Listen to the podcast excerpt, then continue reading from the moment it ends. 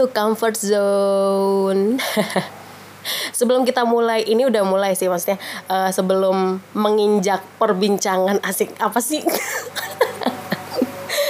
sebelum masuk ke topik gitu ya, um, aku mau minta maaf sebelumnya kalau konten episode sebelumnya udah di take down karena um, materinya cukup sensitif jadi aku nggak mau ambil resiko ini itu jadi aku take down gitu. Terus aku mau sedikit klarifikasi kalau Instagram um, official podcast comfort zone udah deaktif jadi udah nggak ada. Jadi kalau aku nanti mau aku dan timku yang mau apa namanya bikin uh, konten seputar podcast ini langsung ke official akunku gitu. Nah buat episode kali ini aku nggak sendirian asik.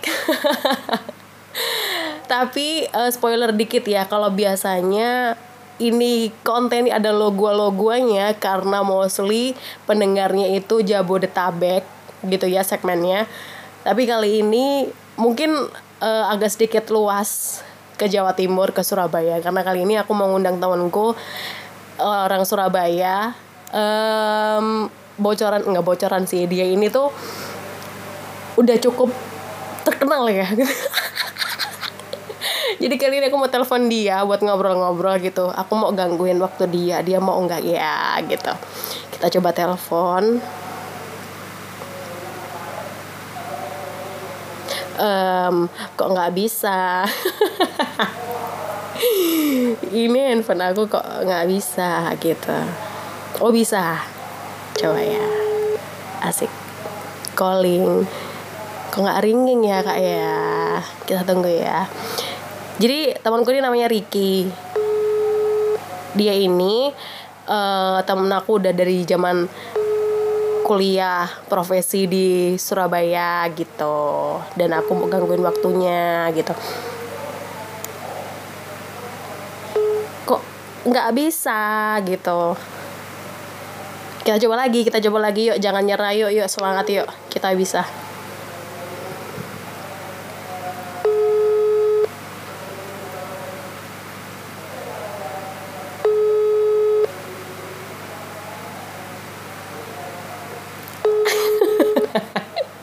Masih nggak bisa. Oke oke Oke, oke, oke. Kita coba lagi ya. Kita coba lagi. Kita coba lagi. Satu kali lagi. Oke, ringing.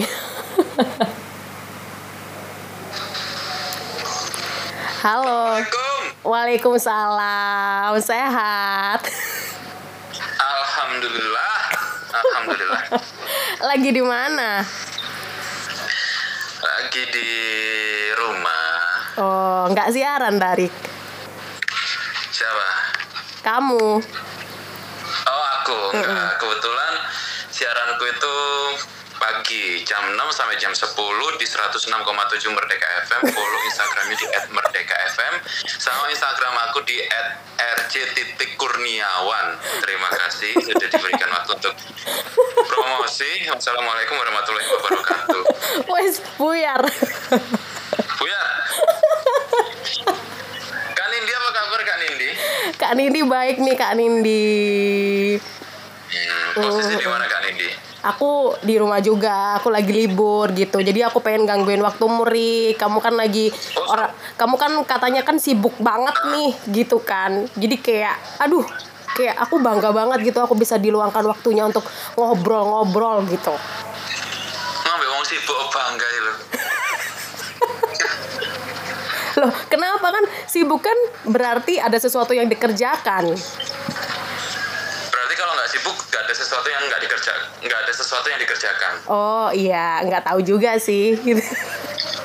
Pak Pak Prabowo jam segini nggak sibuk sih. Berarti kamu nggak suka sama Pak Prabowo ya? Eh eh Pak eh, Luhut juga. Eh eh eh eh. suka ya. Okay. Tapi kayaknya Pak Luhut juga nggak sibuk sih jam segini. Oh sok sibuk dia. Menurutmu Pak Luhut sok sibuk? Itu gimana sih? oh kamu nggak suka sama Pak Luhut ya kak? Iya. Oh nggak suka, suka. Jadi gimana Pak Jokowi langsung aja dah. di kamu posisi di mana di? Aku di di kosan ini sendirian gimana dong? Cari nang Surabaya. Belum, belum. Karena kan biasa aku orangnya sibuk gitu loh. Jadi berbagi waktunya tuh kayak sulit gitu. Alibinya sih susah buat dapetin cuti, Kak. Senior dulu yang cuti gitu. Oh junior belakangan. Junior belakangan. Risana lah. Rik, Rik, aku mau nanya. Boleh. Boleh boleh. Rik, kamu ini aku mau uh, share dulu ya kata, kata aku belum aku belum punya pendengar nih Rik. Pendengarku namanya apa ya? Ada ide nggak? Ya ini podcast apa namanya? Eh, kamu nggak tahu podcastku? Ya ampun ini udah 10.000 ribu loh yang dengerin. Ini udah 10 10 10 k loh 10 ribu loh yang dengerin loh. Oh my god. Namanya apa sih? Namanya apa? comfort Spotify ada nggak? comfort zone. Comfort Zone. iya. Oh di Spotify ada. ada dong. Ya ampun Ricky. Sedih banget sedih banget pendengarku udah 10 Dari ribu. Comfort Zone biasanya ngebahas apa sih podcastnya ini? Eh, di ke- kebetulan sih aku biasanya review film, terus review lagu, review MV gitu-gitu loh. Terus sama sedikit curhat-curhatanku nggak penting sebenarnya.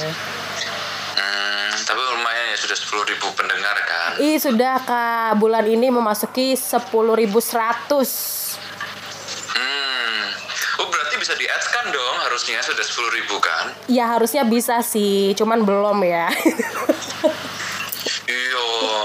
Aku aja dulu bikin podcast tuh cuma sampai episode ke-8. Setelah itu nggak bikin lagi. nah ini episode ke-14 Rik. Ah, paling habis ini buyar. Ih kok gitu? Enggak, enggak. kok gitu?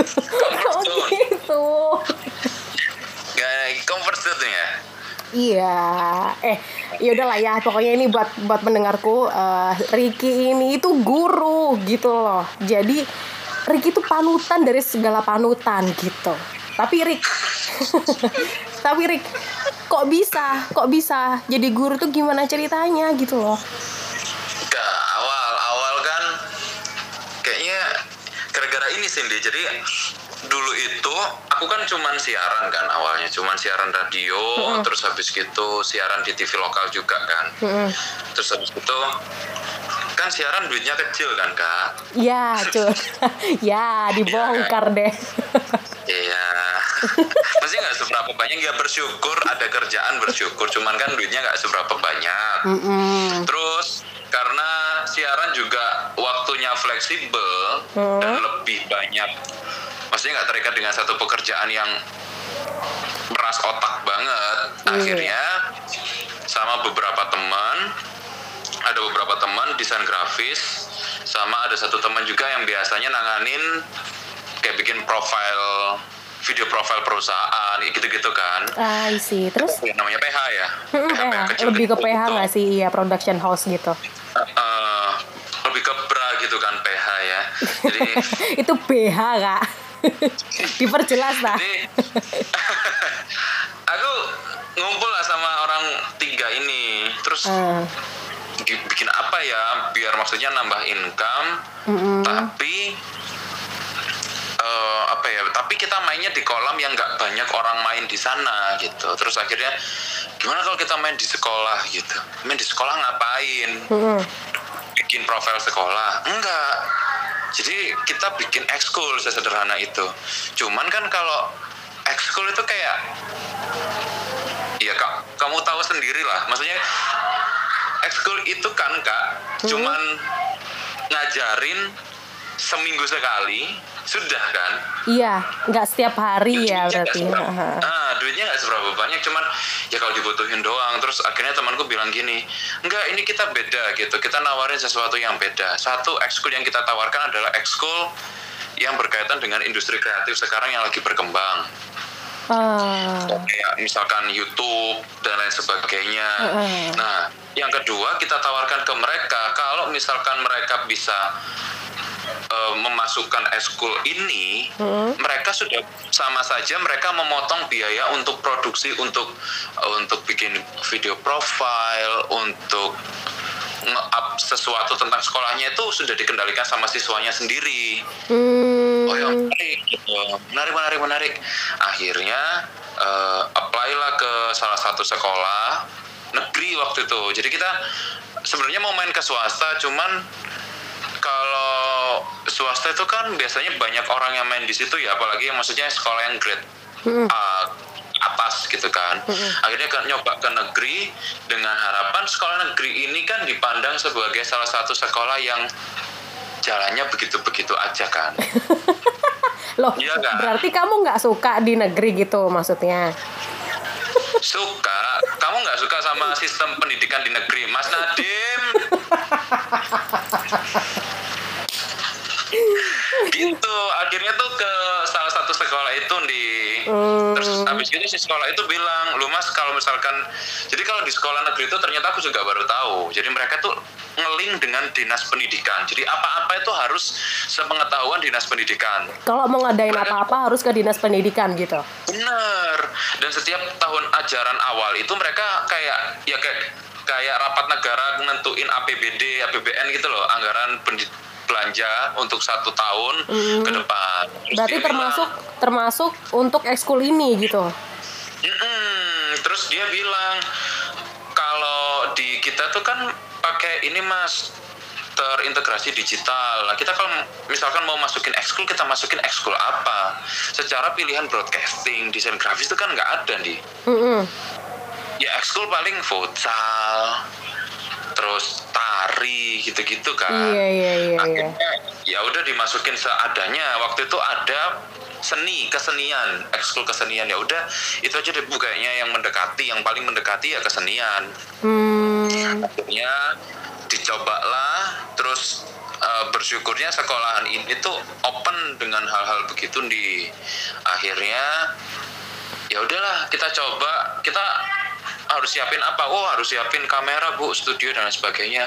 Tapi nggak bisa dalam waktu singkat mas gitu. Ya nggak apa-apa dicicil aja gitu. Akhirnya kita dikasih duit beberapa untuk bikin kayak banner-banner oh, buat mini studio gitu. Nyicil-nyicil gitu ya? Bener awalnya cuma dikasih di sisa teras sekolah di ya Allah. Awal itu. jadi kalau ada sepeda motorku wang wang wang wang tuh kedengeran itu tempat itu yang tempat itu tempat itu yang OTW jadi studio itu? Uh, kita pindah ini sudah ketiga kali. Jadi pertama hmm. di tempat itu sisa teras itu terus kita di di tahun kedua kalau nggak tahun ya tahun kedua itu kita dikasih satu kelas jadi satu kelas itu dikosongin khusus untuk ekskulnya broadcasting oh, gitu. Berarti udah habis gitu upgrade lah ya gitu. bener, makin disupport, makin disupport. Sekarang kita pindah lagi ke karena memang kan kebutuhan pandemi ini kan kelas harus nambah kan di karena kan setiap kelasnya dikit. Setiap kelas yang tadinya diisi 40 cuman diisi 20, 20 kan. Uh, uh. Benar. Jadi kita agak dipinggirin dulu sedikit. Kita akhirnya uh, ke kelas yang agak lebih kecil. Bukan kelas itu sisa ruang BK ya ampun. Lagi-lagi sisaan ya kak ya. Benar. Tapi untungnya masih dikasih gitu. Sedangkan ada beberapa ekskul kan yang nggak punya tempat sendiri di. Iya benar benar benar, kita benar. Sih, karena sekolah support banget ya dengan begitu-begitu akhirnya kita ngerasa kayak oh iya kalau sekolah support ya berarti kita mesti kasih tindakan lebih, kasih treat lebih gitu. Jadi akhirnya uh, aku di sana itu memang statusnya guru ekskul. Tapi sekalian jadi kayak tim apa ya kayak tim promosi sekolah gitu loh uh, maksudnya gimana tuh? Jadi sekolah kan butuh promosi tuh nih uh, nah yang itu timmu juga berarti? ngurusin, bener yang ngurusin digitalnya sekolah ya mereka ada timnya sendiri cuman kalau untuk kayak yang konsep ide dan lain sebagainya tuh di diserahkan ke aku dan teman-teman. Oh gitu. Gitu, kak. Jadi akhirnya dari dari sanalah terbuka akhirnya satu SM dari awalnya satu SMP Mm-mm. sekarang itu satu sekolah ya sekarang itu kalau nggak salah sudah ada sekitar 14 sekolah yang ditanganin Kenapa Gitu. kenapa milihnya SMP Rik? Kenapa nggak SMA? Kalau SMA menurutku ya kan udah langsung kuliah jadi Ah. kayak sekalian bisa menentukan oh nanti aku pengen eh, ke kuliah ini nih ke broadcasting atau langsung gitu. Kenapa SMP dulu gitu? kenapa SMP karena dulu ada koneksi yang paling dekat adalah ke SMP Ah, gitu. Sekarang ada sih beberapa SMA SMA ada SMP ada SD yang kayaknya nggak belum belum belum ada. Cuman kalau aku sendiri pribadi sekarang nanganin SD juga. Tapi bukan atas nama teman-temanku ya. Oh kamu sendiri? yang aku sendiri. Bener yang aku sendiri tuh aku ada klien SD gitu Hmm, kemarin sempat ke SMA juga gitu. Cuman karena pandemi itu akhirnya mereka milih untuk ya udah di close aja lah gitu. Karena juga beberapa sekolah mandangnya untuk beberapa ekskul yang membutuhkan praktek itu kan nggak bisa ketemu kan. Gitu. Tapi untungnya sih di SMP aku yang sekarang itu mereka masih ya nggak apa-apa mas sebulan sekali ketemu. Kalau mau misalkan mau bikin podcast tapi protokol kesehatannya tetap dijaga terus juga jangan terlalu banyak. Jadi ya sekali ketemu tuh palingan cuman anak tujuh.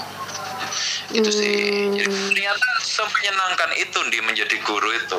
Kenapa? Se kenapa? Maksudnya aku aku kalau ngelihat guru-guru sekarang itu ya apalagi kalau lagi pandemi itu malah ada beberapa guru yang ngeluh gitu loh Rick. Aku nggak tahu ya kalau ekskul ekskul itu kayak gimana gitu kerjanya. Tapi kalau sekolah kayak apa namanya pelajaran biasa gitu aja itu susah gitu loh online gitu. Tapi kalau di ekskulmu gimana tuh?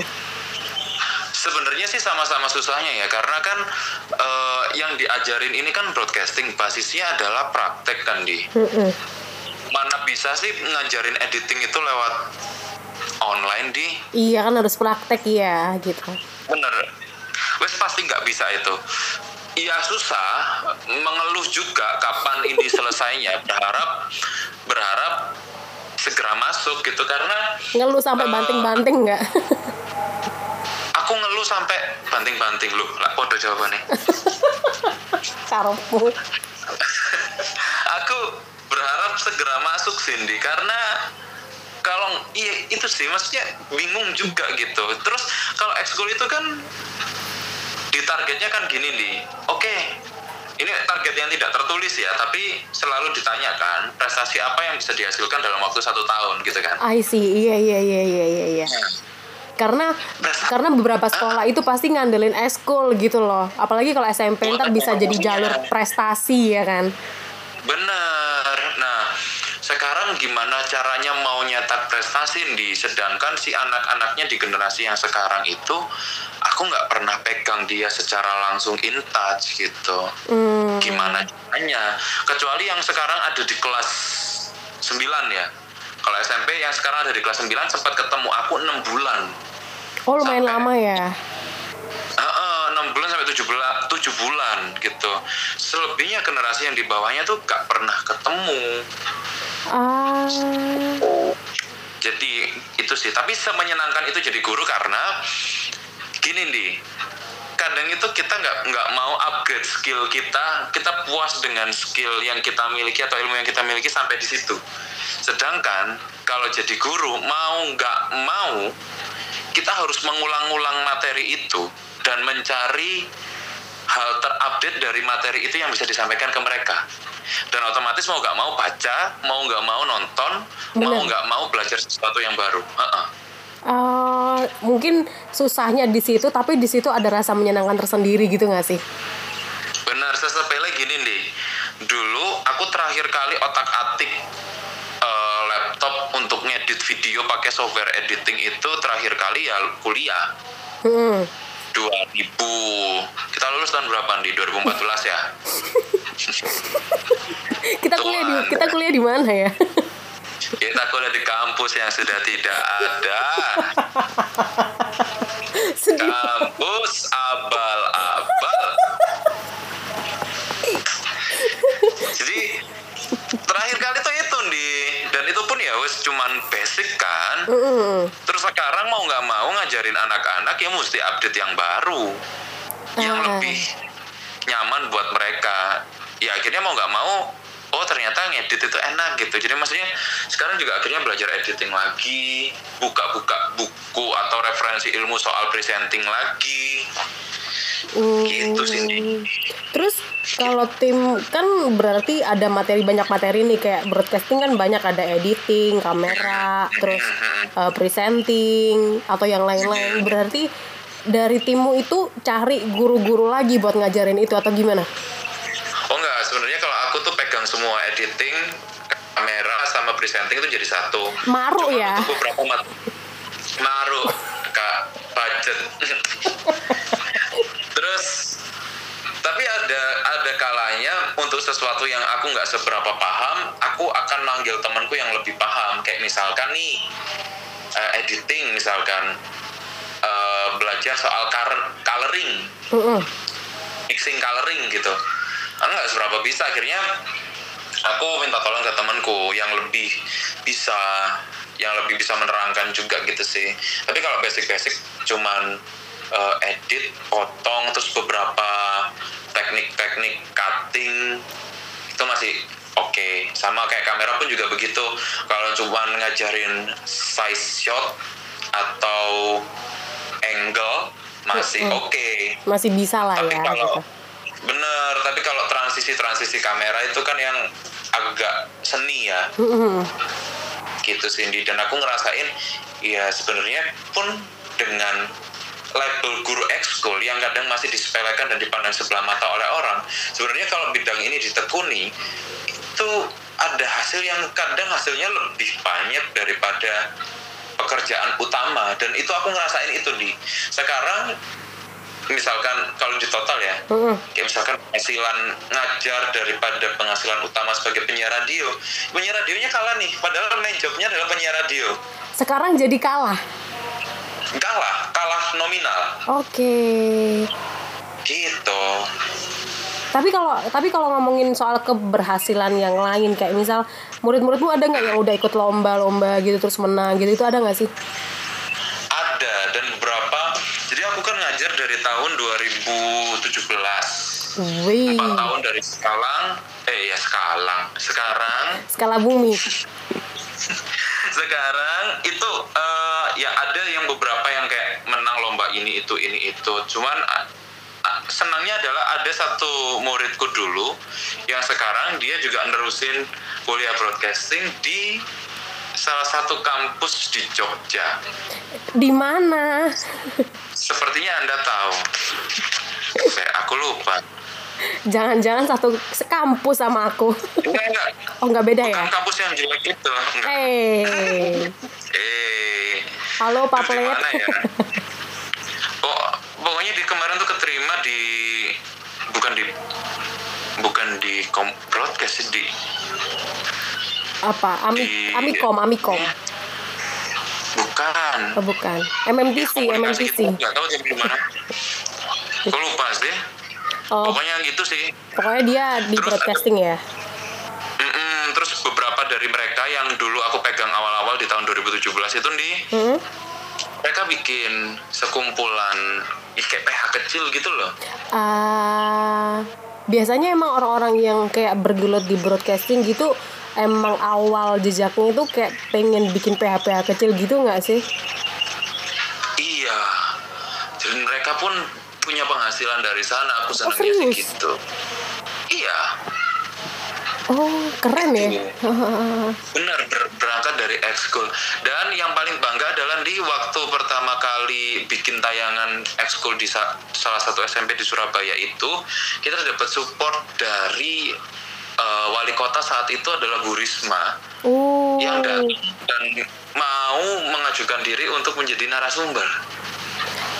Berarti bisa wawancara langsung sama Bu Risma. Iya, itu untuk episode pertama di tempat yang sisa-sisa teras itu tadi. Sisa-sisa teras itu bisa wawancara dengan Bu Risma. Oh, keren sih. Bu Risma. iya, aku harap sih Bu Risma jadi presiden ya. Maksudnya itu jadi kebanggaan tersendiri gitu. Kapan sih 2024 Bu Risma kira-kira nyalon nggak ya? Em, Oh kamu kamu kamu nggak suka sama Bu Risma? kalau dari surveinya sih ada yang ada lah namanya. Ini kok ngomongin Bu Risma jadinya? Oh Itu gitu, sih. keren ya, keren, keren, keren. Resign lah dari CNN. Apa gimana gimana? Resign lah dari CNN jadi guru. Tapi aku tuh kayak eh apa ya? Kan kita kan sama-sama kuliah dari broadcasting gitu loh, Rick. Tapi ada sebagian teman kita yang kayak nggak nggak ngelanjutin gitu loh ke ke media gitu. Aku aku pribadi tuh kayak aduh sayang gitu loh karena kan ya Kamu uang termasuk yang linear kan? Iya gitu kayak aku kalau aku pribadi ya jujur aku kayak sayang sama duitnya udah duit belajar mahal ya kak ya gitu jadi kalau nggak diterusin itu kayak man eman gitu. Ya untungnya Sama sih. kayak untungnya semesta berpihak kepada saya gitu. Sama sih sebenarnya tuh gini di aku tuh baru menyadari tuh gini beberapa tahun ke belakang sih. Ternyata kalau semua orang broadcasting ngejar ke kita kan pasti kalau orang media tuh kiblatnya adalah Jakarta kan? Betul.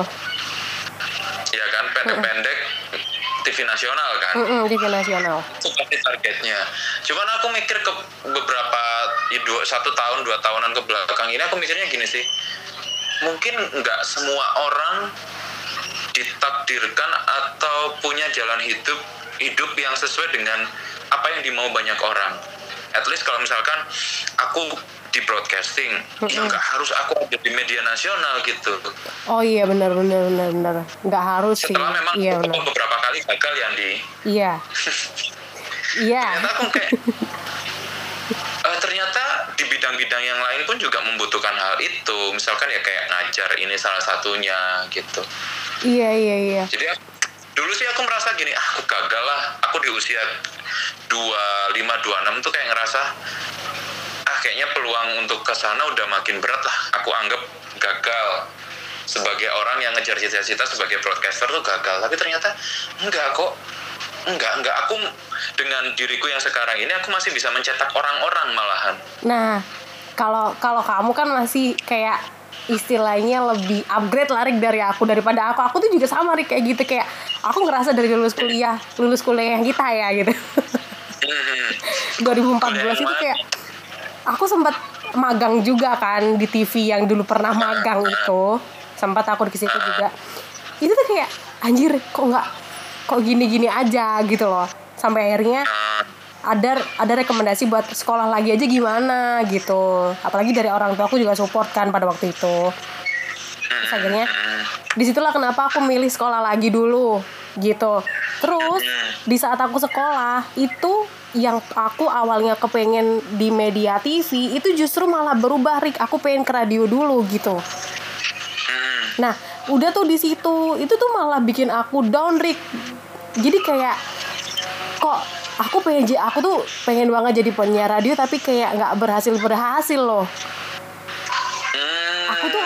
Aku tuh aku iya, tuh iya, a- iya. aku punya sahabat namanya Rizka. Aku sama Rizka itu sampai bener-bener berdua itu selalu ikut lomba-lomba dan lomba. Ya. I- Itu tuh selalu Rizka yang menang bukan aku. Hmm, hmm, hmm. Terus sampai akhirnya Rizka Iya sih. Jadi temanku tuh siaran duluan. Temen aku siaran duluan, udah naik siar di salah satu eh, radio nasionalnya nasionalnya Jogja gitu loh. Radio beken, radio bekennya Jogja gitu. Terus aku kayak anjir, Rizka bisa kok aku enggak sih di situ kayak aku insecure banget asli. itu yang huruf depannya R belakangnya I ya Apanya tuh? radionya Bukan. oh bukan Itu itu tempat aku dong. oh kamu dulu di sana aku dulu di sana setahun. Itu juga bekal hoki-hokian Rik ikut lomba. Ah, ah, ah, ah. Terus ya Nah, aku tuh yang heran juga gitu Cindy. Jadi aku itu sebagai orang yang sekarang dikatakan ngajar broadcasting dan maksudnya orang kadang melihat kayak ih gimana caranya bisa siaran di radio atau siaran di TV lokal. Aku tuh orang yang nol trofi di Ah, selama hidup 27 tahun setengah Iya 27 jam setengah. Aku tuh nggak pernah ngerasa ini yang menang dapat piala gitu loh. Sama. Menang lomba dapat piala itu aku nggak pernah sampai sekarang. Bahkan ketika di nah itu dia di perbedaanku dan perbedaanmu adalah aku tuh ngerasa eh, aku kadang meng- pengen mengupgrade diri ke TV nasional aku nggak pernah dapat kesempatan itu sama sekali nih Ah, Tapi- ya. entah kenapa kalau di radio itu kayak mujur terus gitu loh Mu, iya ya, jalannya ada aja gitu gak sih? benar. Benar. Bahkan sampai sekarang tuh kalau di total total ya aku di radio itu kan dari awal pertama kali kuliah yang kampus. Gitu kan? Kampus yang udah 2012. tiada itu ya. bener sekarang tuh 9 jalan ke 10 tahun di.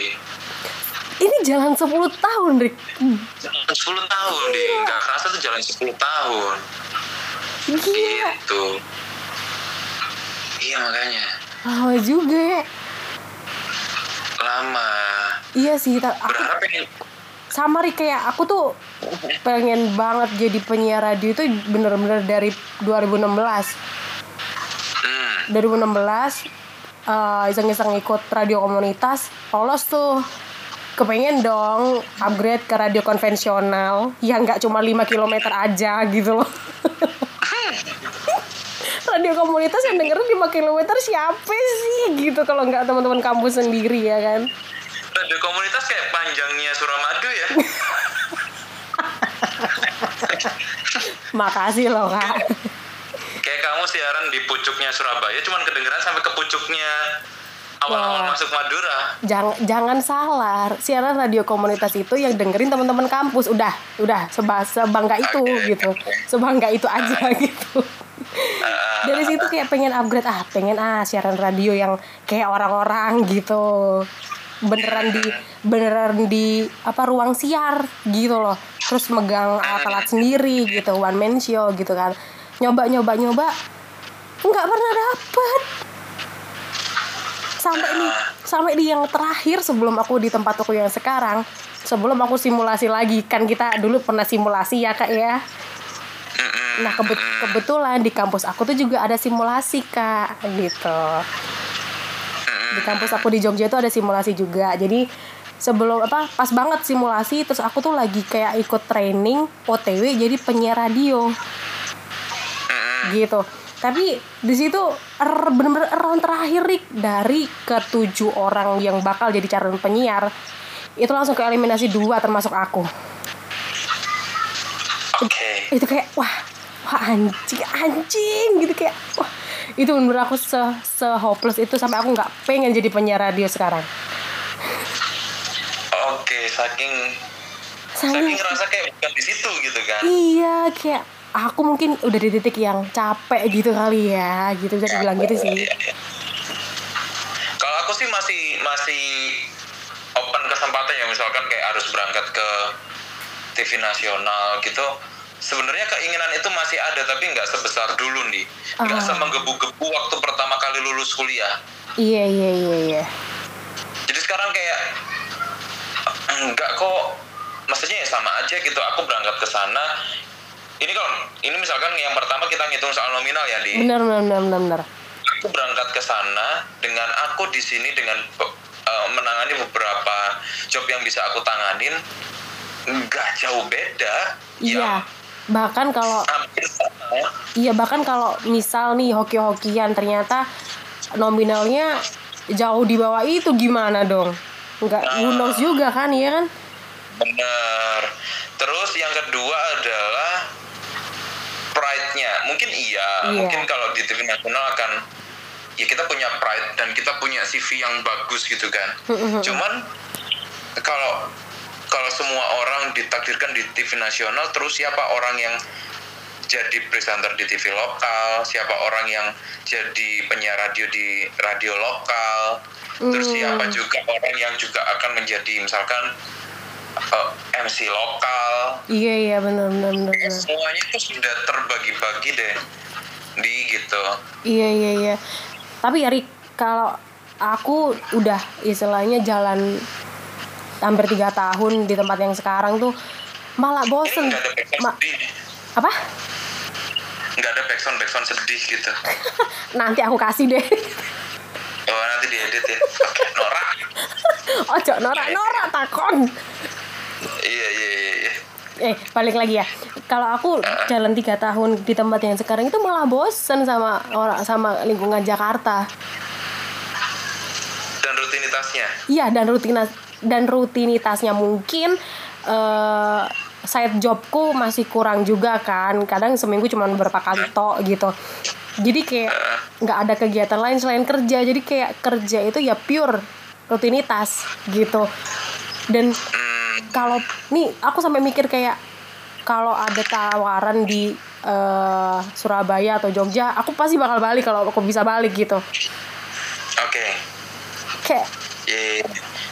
Ternyata Tapi ini apa apa aku aku tanya doang sih. Aku nggak tahu ya kalau di di luaran sana kayak kayak misalkan reporter di Jakarta gitu saya jobnya apa sih biasanya? sama apalagi kalau nggak MC moderator VO talent Oh. Enggak maksudnya kalau di seorang reporter di Jakarta kan pasti lebih sibuk kan daripada di Surabaya untuk timingnya kan di.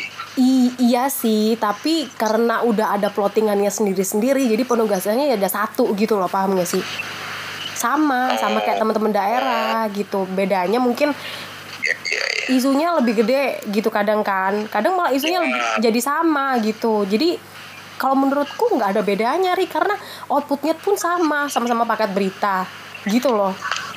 Effortnya juga sama kadang eh, teman-teman dari Surabaya juga nyari wali kota di sini juga nyari wali kota nih berarti sama kan Ya Gitu. mungkin tapi mungkin lebih melimpah aja kali ya iya punya ya. Mm-mm. jadi aku di OTW di tahun ketiga nih kayak eh, lagi masa bosan-bosannya sih gitu curhat ya kak ya Pak CT. Iya. iya, Ampun iya. Mbak CT, ntar lagi gajian gue, ntar ditahan lagi gajian gue. Ya karena emang gitu Cindy. Eh, pekerjaan yang dilakukan berulang-ulang itu kadang menemukan kita kayak nggak menemukan titik kebosanan ya. Aku tuh sempat jeda nggak di radio itu satu tahun di. Serius? Aku coba, iya aku coba aja eh, istilahnya kayak break the limit ku Hmm. sendiri. Aku kayak ngomong ke diriku sendiri, "Ah, aku bisa kok kerja. Eh, nggak kamu pasti tahu Cindy aku kerja di mana di waktu itu. Di mana tuh kalau boleh tahu? di salah satu tempat hiburan di Surabaya yang udah tutup sekarang. Oh gitu. Mm-mm. THR.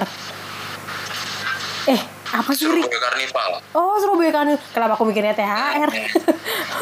Bener, aku Oh. pernah jadi marketing kan di sana. Aku coba jadi staff marketing gitu. Eh, berharap dengan skill yang ada bisa membantu. Ya emang bisa membantu nih, tapi atmosfer itu berpengaruh sih. Ber- berarti bisa dibilang nggak nyaman dong? Nggak. Nggak nyaman nggak nyaman dengan jam kerja nggak nyaman dengan rutinitasnya gitu Ah. akhirnya balik lagi ke radio sekarang dan nggak pernah ngerasa bosen sih sampai di titik yang sekarang ini gitu Iya sih. Mungkin aku berangkat dari ketidakpuasanku sama diriku sendiri ya. Jadi kayak makin ke sini tuh makin bosan gitu loh Rik. Jadi kan awalnya pengen kamu apa? nggak kamu pernah ngerasa resign aja nggak sih maksudnya ah, kerja nggak di luar broadcasting lah gitu Belum, belum di sampai titik itu belum. oke oke oke Tapi ya masih pengen, aduh bosan ah sampai nih ya. Ini aku udah masuk bulan ketiga, tapi bulan depan aku mau request masuk malam lagi nih. Saking bosan yang ngerjain sesuatu. nggak kalau malam dari jam berapa sampai jam berapa nih Kebetulan kalau malam tuh dari jam 9 sampai jam 5 pagi. Digerebek satpol pp ya Justru kita ngikut Salpo PP untuk gerbek, Kak. Oh, Gitu. gitu. Berarti punya kenalan orang dalam satpol pp dong ya? Ya lumayan lah Satpol PP, terus di tres di Treskrimsus gitu-gitulah, gitulah. kalau mau pak ada pak boleh gerbek dong kita mau cari materi nih gitu Iya sih, tapi capek juga sih. Aku pernah jadi reporter juga setahun sih di waktu itu di TV lokal di. Nggak sampai oh setahun iya malah. nggak sampai setahun oh nggak sampai setahun ya diturik Nggak sampai setahun. Jadi aku dipasrahin kayak satu program gitu loh di. Dipasrahin satu program dan program itu kayak ngebahas satu isu. oh Iya kayak Aiman kayak gitu-gitu kan. Wih. Eh, satu program ngebahas satu isu kan. Mm. Nah itu wah itu capek bener sih Di. itu memang yang dibahas satu isu tayangnya weekly tapi ngerisetnya tuh yang capek kak. Riset ya untungnya aku Ngeriset. untungnya aku nggak aku nggak didedicated buat program yang kayak gitu. Jadi aku daily aja gitu. News reguler gitu iya ya ya reguler. Oh iya iya iya. mungkin bakal capek sih karena kan ada beberapa reporter yang dedicated ke sana gitu. Hmm, ah gitulah. Kawin lah enak. Kamu kapan aku Sabtu lah kalau nggak Minggu. Ya usah aku senin. Eh senin. Kok senin ya? Nggak enak ya kalau senin ya? Nggak enak Senin. Nggak ada sih datang nanti. Mending Senin lah. Loh, ya apa sih? ya wes Rik, Ricky makasih ya udah sharing-sharing nggak jelas gini. Enggak ini ntar judulnya apa Ah, kasih judul apa ya Rik enaknya Rik? buka Bokah ngono ya. Mm-mm. Ah, ya wes lah, ya wes lah. Sip. Alhamdulillah Noted.